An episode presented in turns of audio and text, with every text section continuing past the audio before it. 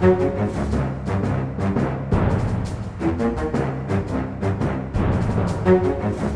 men Det er bra. Da er vi i gang med Aftenpåden USA med bare timer igjen til valget. Dette har vært en, en lang dags ferd mot natt eller en ny morgen, alt ettersom. Vi vi har plass. Jeg, Lars Glomnes, er i Oslo. Og Kristina Pletten er på plass i Georgia. Hei, Lars. Hvordan går det med deg? jo, nå har jeg jo kjørt litt rundt her og prøvd å finne et par sånne små streker på mobilen, sånn at det skulle kunne gå an å ringe til deg, da. Men eh, ellers går det fint. Jeg er på vei til Atlanta. Eh, og er sånn omtrent eh, midt i Georgia et eller annet sted, ikke helt sikker på hvor. Inni en skog. Det var fint her da vi drev og nå rigga oss litt for å komme i gang. For du sitter i en bil, og, og Øystein sitter i en bil. Vi kommer til han, men, men du måtte, det var bra sånn, den faktiske vurderinga. Sånn, hvor går det an å stoppe for at det ikke skal komme noen ut og mer eller mindre skyte deg for å være parkert på feil sted? ja. Det er jo ikke en helt hverdagslig vurdering her i, i gamlelandet, får man si. Men eh, hvis du beskriver litt sånn strøket du er i nå? Nei, det er litt sånn eh, Det er liksom ikke så mye her, egentlig. Nå kjørte jeg litt innover. Det er sånne små trailere inni eh, inne i skauen her, og så står det sånne trucks utenfor. Og så, som du sa, så har jo noen av disse sørstatene har jo da har jo folk i våpen og, litt, eh, og er litt opptatt av privatlivet sitt, da, så man skal ikke liksom komme uanmeldt inn i, eh, inn i feil oppkjørsel. Jeg håper ikke min mor hører på dette. Er det, er det, sånn, eh, du, er det mye plakater, og, og, ser det ut som valg der i, i, rundt disse trailerne? Her jeg tror ikke de er så opptatt av valg. Eh, men jeg har sett en del plakater eh, i eh, ja, både i North Carolina og lenger sør øst i Georgia, da. Og du Øystein Langberg, du holder deg til hva skal man si, innafor The Beltway. Du er i Washington DC, på en parkeringsplass langt unna folk med våpen og, og, og sånne dramatiske ting. Trygt plassert i bobla. Absolutt. Jeg er på Howard University, på campusen. Dette er da universitetet hvor Kamala Harris studerte en gang i tiden. Og det var akkurat en fyr som gikk forbi meg med sånn blanke sko og sånn beige kåpe. Så det er litt andre Jeg er midt i, sivilisasjonen. Jeg har også fem streker på den mobiltelefonen min, og, og 4G må det være. Det er litt andre forhold her. Men det er kaldt, altså. Det er fryktelig kaldt, og kommer, valgdagen kommer til å bli veldig, veldig kald også. Og Kristine har jo på Slack gitt mange lange forklaringer på hvorfor hun ikke skulle til DC, men til Georgia i stedet. Og jeg bare mistenker at det handler mer om vær enn valg, egentlig. Men vi får komme tilbake til det. Det var et sånn eh, lys inn i den bilen du sitter i, her vi så på, på kamera, Kristina, som tyder på at du har valgt eh, et varmere og, friskere sted enn både, både, meg og Øystein. Men vi tenkte egentlig at etter hvert så skal vi, så skal vi se litt på, på hva man kan følge med på gjennom valgdagen og valgnatta. Hva vi mener er mest spennende. Men eh, hvis du Øystein, først kunne bare dratt en sånn kort linje på hvor står vi egentlig nå i, i valgkampen, eh, noen timer før det er mulig å, å, stemme for alvor på selve valgdagen, og et uh, drøyt døgn unna at valglokalene stenges? Nei, altså vi står jo egentlig der vi gjorde omtrent for en uke siden. Det har jo vært sånn Den siste uka har det kommet sånn de siste meningsmålingene fra alle de store byråene. Og på Twitter har det vært helt sånn galskap. New York Times sa de skulle slippe sine målinger klokken fem på natta. Og da er jeg helt sikker på at veldig mange satte på Jeg vet mange satte på telefonen sin på kvart på fem og satt klare på Twitter for å se få dette, få dette på morgenen. Men, men, det har vært interessant å se at de målingene har som sagt ikke endra bildet så mye. da. Så hvis man tror på Nate Silver og 538, så er det 10% sjanse for at Trump vinner valget, som er langt bedre enn det Hillary Clinton hadde på samme tid. Og hvis man tror The Economist sin modell, så er det jo 95% eller noe sånt. Det er enda, enda større sjanse for at, for at Biden vinner.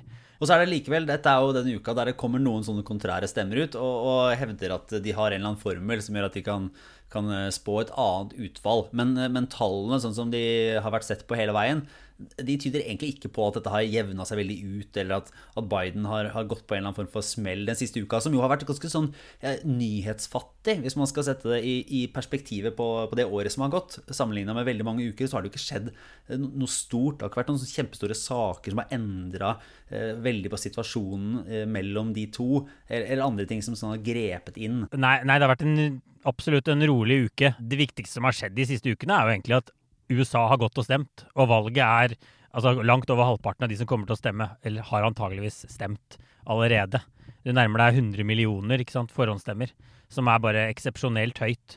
Uh, og Trump har gjort en vanvittig mengde rallies, fire om dagen, fem om dagen, uh, og samler jo store folkemengder. Når man ser de folkemengdene, så tenker man jo Det er en entusiasme der ute. Er dette noe man risikerer at målingen undervurderer? Og så har man disse andre typer meningsmålinger da, som kommer inn og mener de har, uh, har justert for Trumps Trump-effekten da, og har Trump til at han vinner valget. Og så tror de fleste eksperter ikke på de målingene, men, uh, men det er ingen som føler seg trygge. da. Folk er ekstremt nervøse. Jeg var en tur i Pennsylvania. Folk er bare helt sånn De sover dårlig om natta, folk jeg snakker med. De, de går og tenker på valget hele tiden. Akkurat som jeg gjør, akkurat som du gjør, akkurat som Kristina sikkert gjør. Kristina, du har jo da ankommet USA, og på en måte hva er det sånn eh, du har vært litt, litt, flere steder, men eh, hvis du kort skal si, hva, hva er følelsen, eller hva er sånn oppfattelsen av, eh, av liksom, hva, hva, ligger i lufta, da? Det er et par ting som har overrasket meg. Det første er at folk er utrolig disiplinert når det gjelder å gå med sånn munnbind. Det gjør de overalt, til og med her nede i sørstatene, som de er litt mer sånn rebelske. Og jeg, jeg syns òg de er flinke å holde avstand og, og stort sett og og, og vaske hendene og sånn.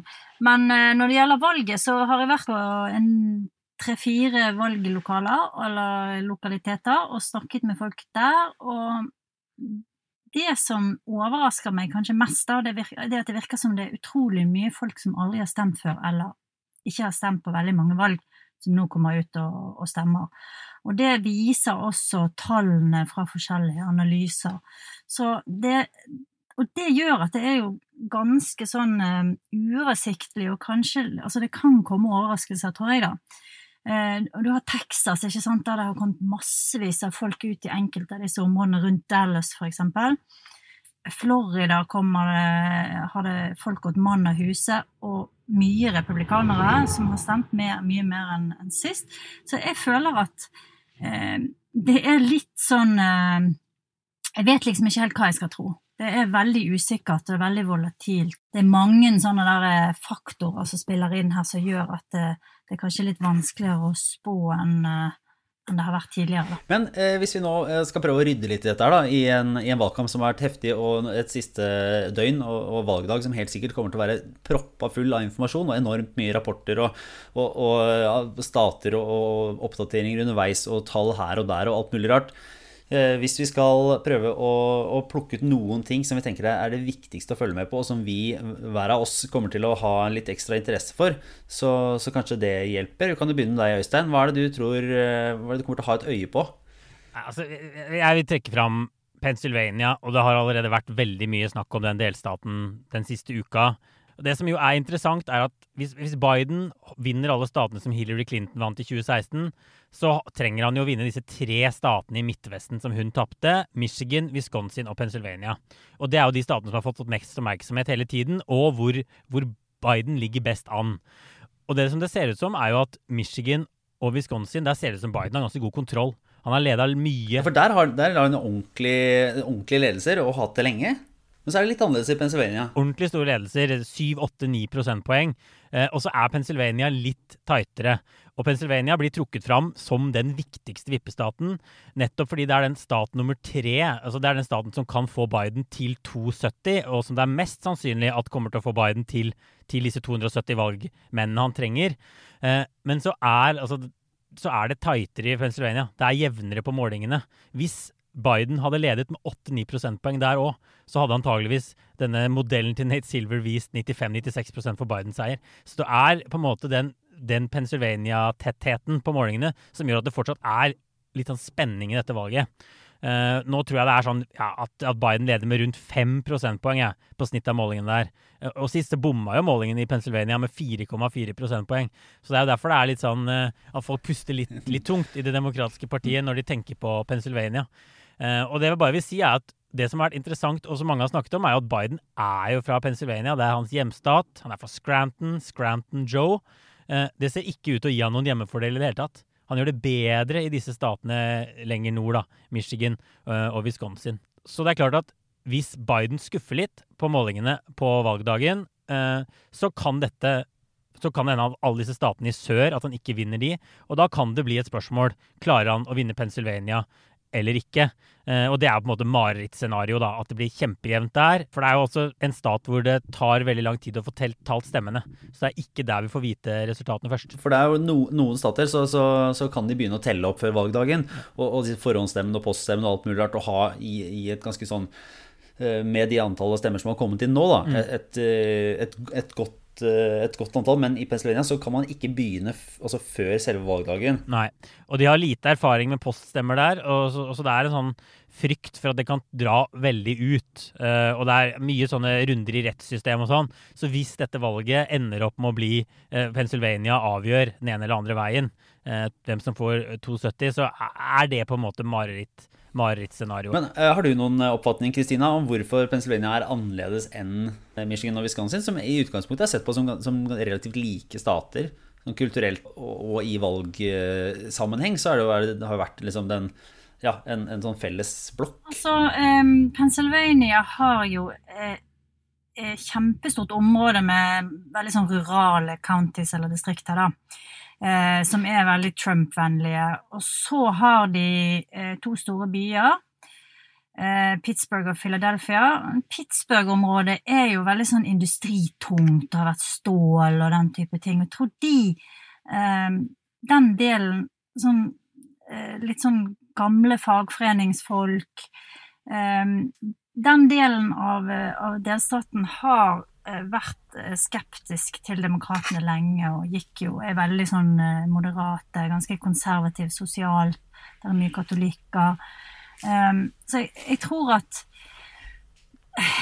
delstaten er ganske konservativ, men har hatt, uh, har hatt, mye demokrater som har ligget på den der veldig moderate linjen. Da. Så den, den, den er liksom dårlig match med det demokratiske partiet, sånn som det ser ut i dag. Jeg tror nok det er en av grunnene. Og så har jo ikke Biden representert Pennsylvania. Han har jo representert Delaware i alle de årene han har satt i Kongressen, da. Så selv om han skryter av at han er fra Pennsylvania, så, så har han jo på en måte representert en bitte liten, et bitte lite skatteparadis litt lenger sør. Så jeg tror det ja. kanskje spiller inn. Nei, bare helt kort. Jeg tror Kristina har rett i det hun sier. For det som er litt interessant, og jeg tror nok at disse statene lenger nord, også hvis du tar med Minnesota. Da. Flere av de er jo vesentlig hvitere enn Pennsylvania, og Wisconsin har den høyeste andelen av sånne hvite uten collegeutdanning, høyere enn i Pennsylvania. Men Pennsylvania kalles på litt sånn fleipete for Pennsyltucky. De har litt sånn sørstat i seg, som antageligvis er forklaringen på hvorfor den staten har en annen dynamikk og har, har vært mer vippete enn de andre statene sånn historisk sett også. Men så skal det jo sies at det, altså, på målingene, da, snitt, snittmålingene med en 5 prosentpoengs ledelse Hvis det hadde vært i en annen stat uten forhistorien med uh, feilmålingene fra 2016, så ville det vært sett på som et ganske altså Ikke akkurat et trygt kort, men, så, men en, en, solid posisjon for Joe Biden. Altså, og, og flere av de målingene som er tatt opp nå de siste dagene, er gjort med liksom, eh, mange flere respondenter. Man har jo forhåpentligvis lært noe av 2016. Mm. Så, så, hva skal man si Hvis man tar bort en del av historien her, så, så er Biden en, en, klar favoritt også i Pennsylvania. Absolutt. Ja da, men, men, du har så mye usikkerhetsmomenter. ikke sant? Du har covid-19, og du, du, har dette med, med alle poststemmene, og hvilke blir talt, hvilke blir ikke. Altså, jeg tror det er selv om, selv om meningsmålingene kanskje har bedre kvalitet, så har du også mye større usikkerhet rundt omstendighetene rundt valget. da. Så kanskje de nuller hverandre litt ute, vet jeg ikke. Hvis vi fortsetter, Kristina. Det er jo kanskje en grunn til at du er i, i, Georgia. Hva er det du kommer til å følge ekstra med på gjennom valgdagen og, og valgnatta? Ja, altså Selv om Øystein tror at jeg har reist her for pga. været, da, så eh, var, det mer, var det altså mer det at eh, det er jo en bevegelse i USA som både Øystein og jeg har skrevet om den siste uken, som går på at mye unge mennesker flytter til det som man kaller for solbeltet, som går helt fra egentlig Arizona og Colorado til, hit til Georgia og til North Carolina. Og det koblet med liksom at, at den hvite befolkningen blir mindre, og, og, en del andre sånne markører, gjør at disse delstatene egentlig er i veldig stor endring. da. Og det man ser på meningsmålingene, som jeg òg egentlig har sett når jeg har vært her og snakket med folk, det er at det er en god mulighet, tror jeg, for at både Georgia og North Carolina kan gå demokratisk i morgen, da hvis det blir et veldig rart valg, så kan jo det skje at vi får på en måte en helt ny sånn sammensetning der det er, la oss si, hvis jeg skal være litt vill, da, Texas, Georgia og North Carolina går for Biden, mens Michigan, uh, Pennsylvania og disse gamle rustbeltestatene går for Trump. Og da begynner man liksom å se sånn, kanskje hvordan USA vil se ut i fremtiden. Hvordan valgkartet i USA kommer til å se ut om ikke sant, 5-10-15 år. Da. Så, så, jeg er litt interessert i å være litt rundt i forstedene til Atlanta. Det er en stor by, og der bor masse mennesker i disse forstadskommunene. Og de kommer til å spille en veldig avgjørende rolle, særlig kvinnene der. da. Så jeg tenkte jeg skulle gå ut i morgen formiddag og prate litt med de og høre litt sånn hva de tenker, og lodde stemningen litt. Og så kan vi si at den, Det scenarioet som vi snakka om først, her da, at Pennsylvania, som, som da teller eh, stemmene sine relativt seint, eh, kan være av de senest avgjorte statene, og den som faktisk er er den siste vippestaten og avgjørende. Altså, Den posisjonen kan jo falle bort dersom mm. flere av disse solbeltestatene går for Biden. For der, der, ligger det flere stater som vil kunne gi raskere resultater, og, og som vil kunne altså, avgjøre det hele hvis de faktisk eh, snur og faller ned på demokratenes side. Ja, eh, North Carolina kommer jo tidlig. Eh, og de har ganske godt grep om, om opptelling og sånn. Så det er vel en, et av de resultatene som kommer først. Og det er en relativt stor stat, så hvis, hvis de eh, har en sånn tydelig Biden-seier der, så tror jeg at det vil gi en veldig sånn klar indikasjon på hvor dette ender. Og så tror jeg jo kanskje at Trump vil vinne Florida. Han har mobilisert enormt der, og ting tyder på at eh, mye Trump-supportere har vært ute og stemt allerede der, så både, eh, både, North Carolina, Arizona, Georgia og Florida er regnet med å kunne, i hvert fall hvis det er litt, litt, klart hvem som vinner, å kunne komme med et ganske tidlig resultat. På, på, enten på før midnatt i USA eller litt etter midnatt. Og det er jo sånn at hvis Biden vinner én av de, eller to, så er han på god vei. Da er, da er, han på veldig god vei mot å bli president i USA. Uh, og da er det som du sier, da er det ikke så farlig hvordan det går i Pennsylvania. For da har antageligvis dette i boks uansett. Uh, og så tror jeg det er et håp om at Wisconsin kan komme med litt tidlige resultater. Og hvis de, nær, altså, hvis de, er noe i nærheten av det Biden leder med der, da 8 prosentpoeng, så betyr det at han antageligvis har vunnet Michigan nå. Og da er antageligvis valget, valget kjørt. Så hvis målingene har rett, uh, så kan dette valget bli avgjort faktisk ganske fort. Så, så, man må ikke sitte oppe og vente mm. på Pennsylvania hele natta, heldigvis. Nei, det er kanskje liksom North Carolina som gir oss eh, svaret på hvem som vinner, mm. og hvor dette bærer. Vi kan videre. Jeg har jo min ting da, som jeg, jeg kommer til å følge med på. De, det, det, er på en måte valgresultatsavgjørende, det dere det jeg har snakka om nå. Og det, det som selvfølgelig er, er, viktigst.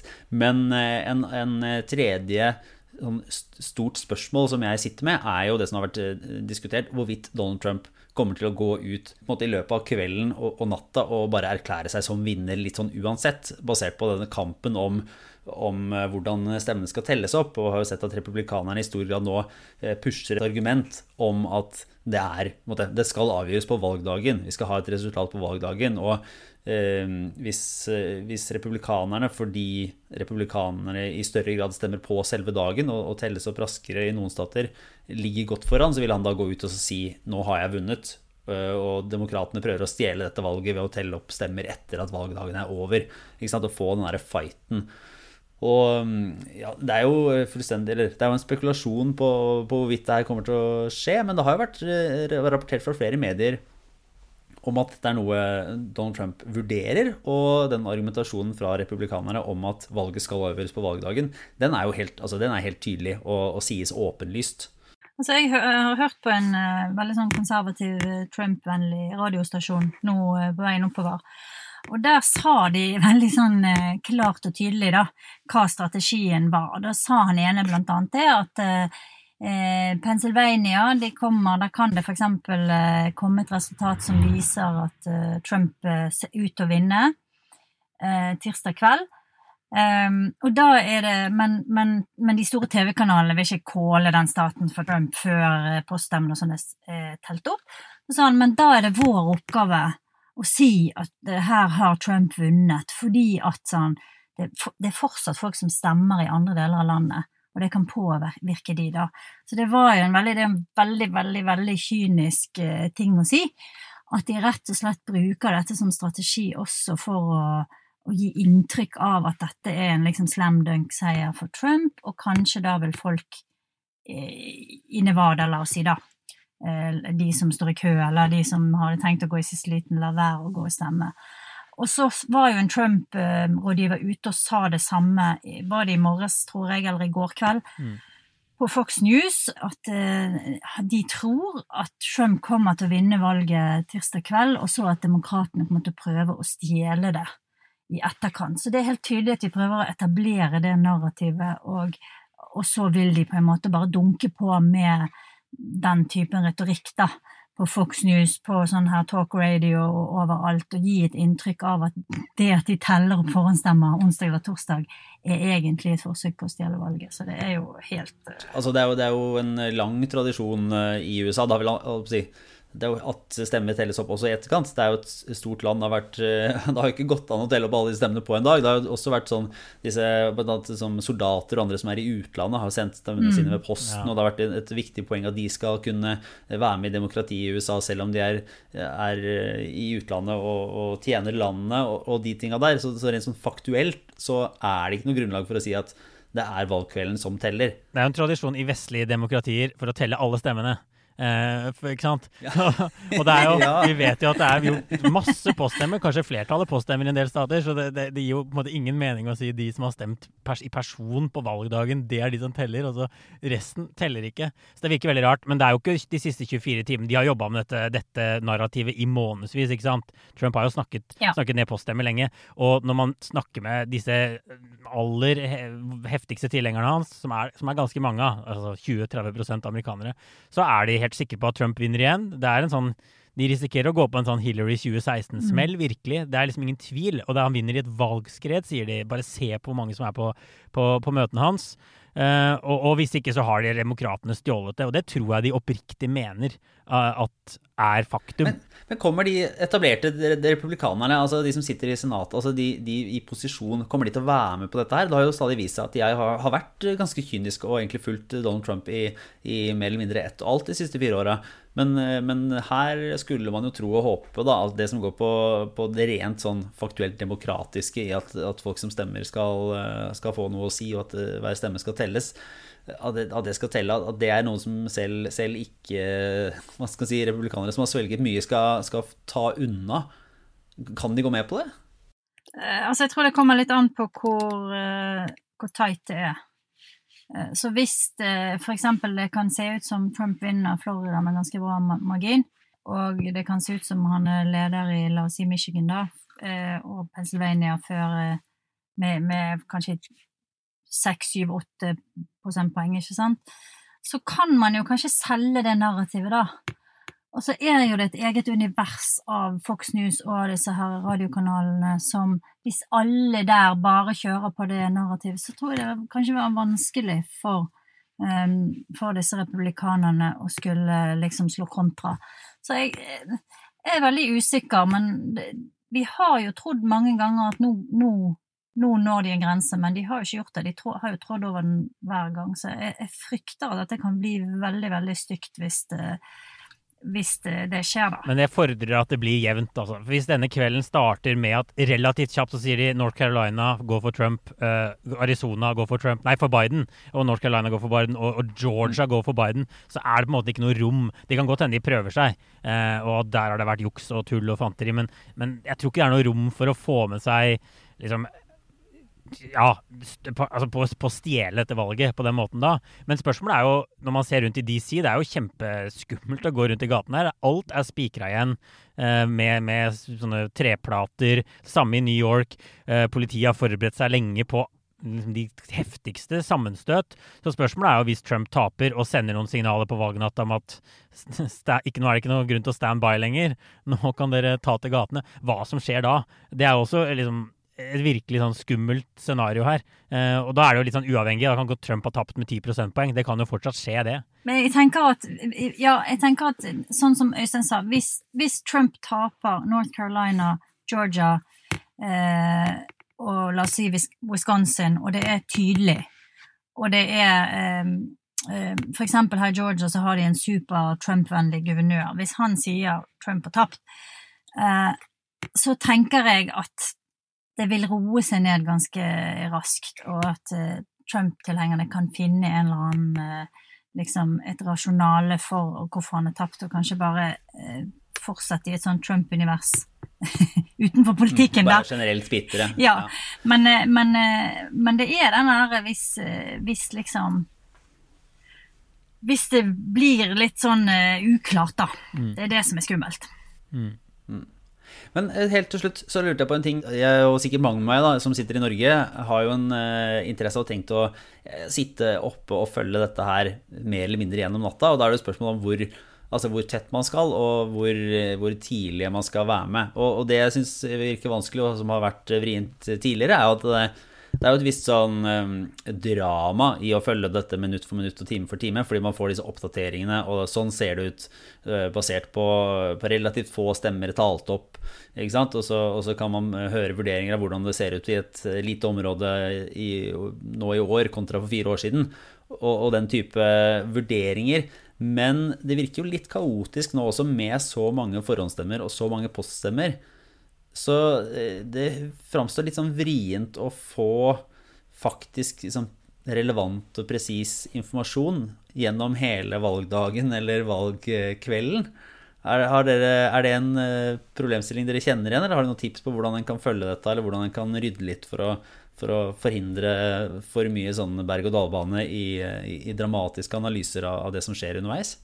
Altså, um, Associated Press har jo uh, et godt apparat for å følge um, resultatene, og de største TV-kanalene baserer seg jo uh, mye på det, da, de største amerikanske.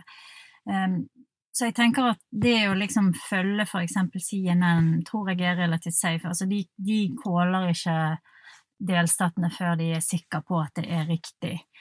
Um, så jeg tror at uh, amerikanske medier har forberedt seg på dette her i månedsvis, på all slags mulige scenarioer på at Trump kan uh, komme til å si ting osv. Så, videre. så jeg tror eksempel følge med på CNN da, mm. er relativt trygt. Og så må jo alle følge med på vår egen liveblogg i Aftenposten som er kjempegod, og der vi løpende oppdaterer med både små snutter og bilder og tar spørsmål fra, fra leserne våre og, og legger inn nyheter og tall man må jo se på hvor mange stemmer som er kommet inn, ikke sant? og hvor, høy, hvor stor andel av det er. Hvis det er sånn vi har telt 20% av stemmene i Pennsylvania, det er stort sett valgdagen, Trump leder med 10 prosentpoeng, så er det selvfølgelig men, men, jeg tror som Kristina, det kommer ikke CNN til å rapportere som at Trump er i ledelsen i det hele tatt. Og jeg lurer på om jeg ikke ville stått opp litt tidlig, egentlig, hvis man skal legge seg i det hele tatt.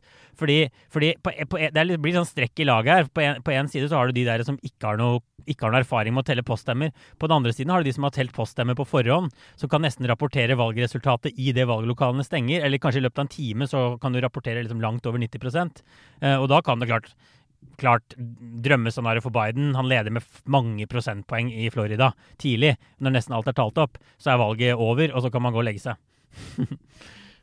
altså, jeg tror kanskje jeg ville fulgt med fra i hvert fall sånn i tretiden. Eh, og så og så kanskje ikke høre så mye på liksom det onkel Rolf deler på Facebook eh, av YouTube-videoer og sånne ting. Styr unna det. Ja. ja. men det er et, et godt råd til, til slutt her. Og så, så, får vi bare gjenta det, da, at det er jo en anbefaling til absolutt alle å følge Aftenposten.no eh, gjennom natta. Der kommer vi til å, å dekke det aller meste og prøve å gi analyser og nyheter om hverandre.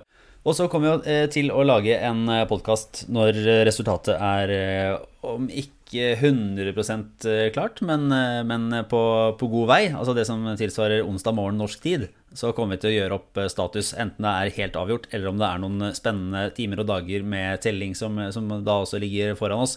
Så da kan vi bare si takke for nå og, og ses snart. Lykke til med innsporten. Nå tror jeg det kommer en parkeringsvakt eller en eller annen som skal gi deg bot, ja, Øystein. Så nå må jeg passe meg. Hvis du nå nærmer Musikk her òg. ja. Nei, men det er supert. Det var sa. Takk for nå. Ha det bra. Ha det.